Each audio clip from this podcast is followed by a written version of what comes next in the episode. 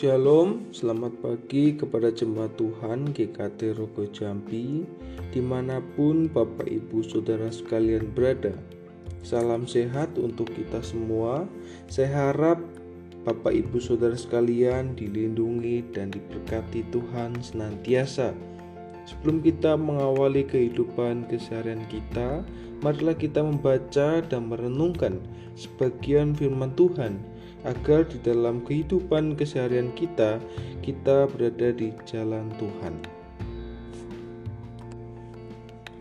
Firman Tuhan yang akan kita renungkan bersama-sama di hari ini terambil di dalam Kejadian 50 ayat yang ke-20. Saya akan bacakan untuk kita semua.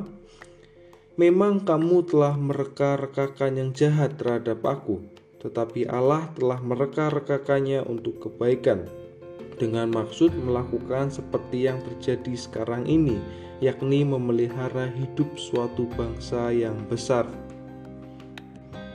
Bapak, ibu, saudara sekalian, ketika itu saudara-saudara Yusuf merasa ketakutan ketika ayahnya akan meninggal. Saudara-saudaranya takut kepada Yusuf nantinya Yusuf akan membalaskan dendamnya karena dulu telah melakukan kejahatan terhadap Yusuf. Karena rasa ketakutan ini, saudara-saudara Yusuf merencanakan, merencanakan satu hal dan memohon kepada Yusuf supaya Yusuf tidak membalaskan dendamnya karena kakak-kakaknya telah berbuat jahat kepadanya. Karena Yusuf tahu maksud mereka, maka ayat ke-20 inilah sebagai jawaban Yusuf kepada saudara-saudaranya bahwa memang betul mereka mereka-merekakan hal yang jahat terhadap Yusuf dan e, melakukan perbuatan jahat tetapi Allah mereka-rekakannya untuk kebaikan yaitu dengan maksud melakukannya untuk memelihara umat Allah yang besar ini. Maksudnya apa? ketika dahulu Yusuf eh, dilakukan jahat oleh kakak-kakaknya dibuang eh, dalam sumur dan dijual kepada rombongan-rombongan Ismail yang pergi ke Mesir Yusuf di sana sedang men, uh, mengalami proses Tuhan. Tuhan uh, memberikan jalan kepadanya untuk menjadi seorang yang terpandang di Mesir. Ketika Yusuf sudah berada di Mesir dan terjadi kelaparan, maka eh, rombongan-rombongan atau keluarga dari Yakub ini mencari makanan datang ke Mesir untuk mendapatkan makanan. Jadi bisa dibayangkan saja ketika Yusuf tidak berada di Mesir pada waktu itu, maka uh, keluarga Yakub akan mati kelaparan karena pada waktu itu terjadi kelaparan yang sangat hebat di seluruh negeri.